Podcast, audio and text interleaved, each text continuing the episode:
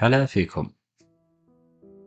أكلمكم اليوم في بودكاست عقل وروح عن العمق البسيط. في بدايات الحديث عن التوازن لابد أن نتحدث ولو حديث مختصر عن العمق في التفكير لأنه من الأفكار تنطلق جميع الأعمال. وبيأتي عندنا حلقات في المستقبل عن التفكير وأنواع التفكير وتنقية الأفكار لأهمية التوازن في هذا الموضوع بالذات. اليوم يوجد الكثير من الأفكار. يوجد من يفكر بل ويصنع المصطلحات وينتج النظريات. كل ذلك باقتدار. ولكن للأسف الفجوة بين التفكير والواقع بعيدة. وعلى هذا يغتنم كل إنسان يفكر أفكار عظيمة الفرصة. فالناس بحاجة ماسة للأفكار العظيمة والتي لا تبتعد كثيرا عن واقعهم بل تساعدهم على شق طريقهم في هذه الحياة المعقدة بقوة واتزان. كذلك الفرصة سانحة لأن الجمهور جاهز وعلى أهبة الاستعداد والوسائل ميسرة والبث مباشر وكل هذا لا يكون إلا بالتوازن بين الأفكار والواقع. فالناس لا يرفضون الأفكار العظيمة ولا يرفضون المفكرين كما يردد كثير ممن يشعرون بالاغتراب الثقافي. فالخطأ منهم هم لأنهم دائما ما يغردون خارج سرب الحياة المعاصرة واليوميات العفوية للناس. أيضا الفرصة سانحة لمن يملك المعلومات الكثيرة كي ينظمها ويستخرج أنفع ما فيها ويترك ما لا فائدة فيه. فليس كل ما يعرف يقال وليس كل ما يقال حقيقة. فالمعلومات مبذولة وهي تنتظر على قارعة الطريق بتعبير الجاحظ. والذي يصنع الفارق اليوم هو من يحسن تنظيم المعلومات ويستطيع التوازن في تقديره لكثرة المعلومات حول الموضوع محل الدراسة وبين تنقيح هذه المعلومات.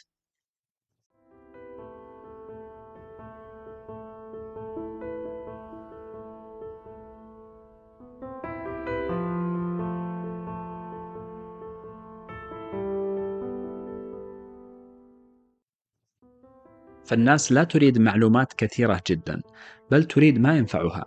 وأبسط مثال على ذلك وإن كان لا يؤدي كل ما في النفس عن هذا المعنى ذلك المحاضر الذي يريد أن يقول للحضور كل شيء يعرفه عن موضوع محاضرته بدءا بالتعريفات والمداخل وانتهاء بجميع ما يحضره وما لا يحضره من توصيات.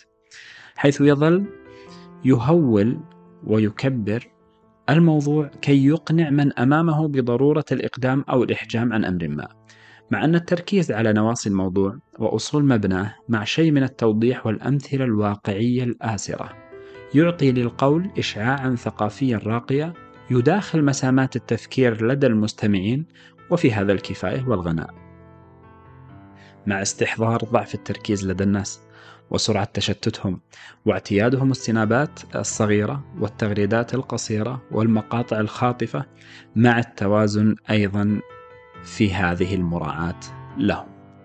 عندما تتوازن في تفكيرك وتضحي عميق التفكير ستنتقل هذه الأفكار بوضوح إلى الآخرين فمتى تتكلم ومتى تصمت هنا نواصل الاستماع لنعرف ماذا يكون بين الصمت والكلام من توازن. بالفعل التوازن مطلوب بين الصمت والكلام فليس كل شيء يعبر عنه بالكلام. ففي الصمت إشارات عميقة للحب والسلام والحزن والتأمل الشفيف. فلا تهدر كل مشاعرك عبر سجنها في عبارات ضيقة الحدود فإن الصمت لا حد له يقول الدكتور مصطفى محمود. والحقيقة أن الحروف تحجب ولا تكشف وتضلل ولا تدلل. وتشوه ولا توضح. وهي أدوات التباس أكثر منها أدوات تحديد.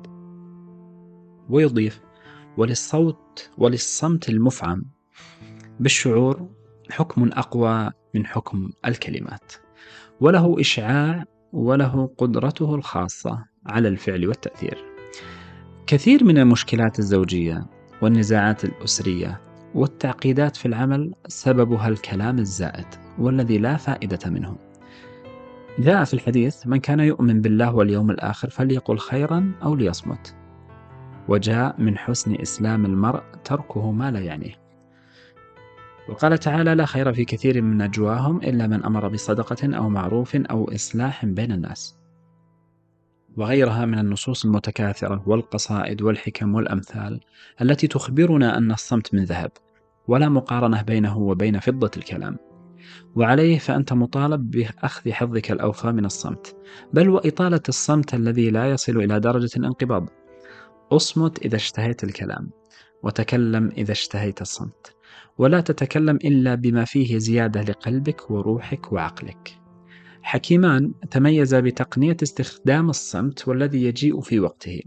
صحبتهما وكنت أفهم من صمتهما أكثر مما أفهم من قولهما.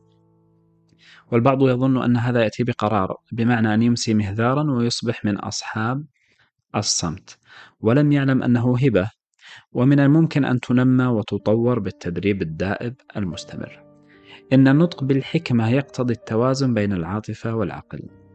فلا يمكن بحال أن تستمر في الإغراق العاطفي أو الغلو العقلاني من دون أن ينطبع ذلك في أذهان المتلقين أو المحاورين لك. فالناس ينظرون للشخصية العاطفية بأنها مندفعة أو رقيقة أو في حالة انفعال دائم فلا يرجون من صاحبها زنة الأمور بالميزان الصحيح. وكذلك الشخصية العقلانية الجافة لا يرتجى منها حضن أو تسامح أو هامش للتعاطي الحساس. والحل هو التوازن واستخدام كل من العقل والعاطفة بنسب منطقية مع كل حدث وموقف بما يناسبه. فالعاطفة دافعة ومصدر إلهام. والعقل موجه وضابط للحركة. فبلا دوافع لا يمكن التحرك وبلا توجيه يحصل الارتطام والسقوط في الحفر. وأغلب ما يؤثر التأثير البالغ على التحكم في العاطفة والعقل الانخراط في المجموع. فأنت لوحدك قد تفكر وتقدر وتصل إلى قرارات متزنة. بينما تختلف الحال إذا كنت في فريق أو بين مجموعة من الناس الذين يؤثرون في طريقة تفكيرك وضبط عواطفك. بل إن بعض المجتمعات قد تجر العاقل لحافة الجنون. وعليه فلا بد لنا من التوازن بين الانفراد أو الفردية والانخراط في المجتمع. وهذا هو موضوع حديثنا في الحلقة القادمة في بودكاست عقل وروح. في انتظاركم. إلى اللقاء.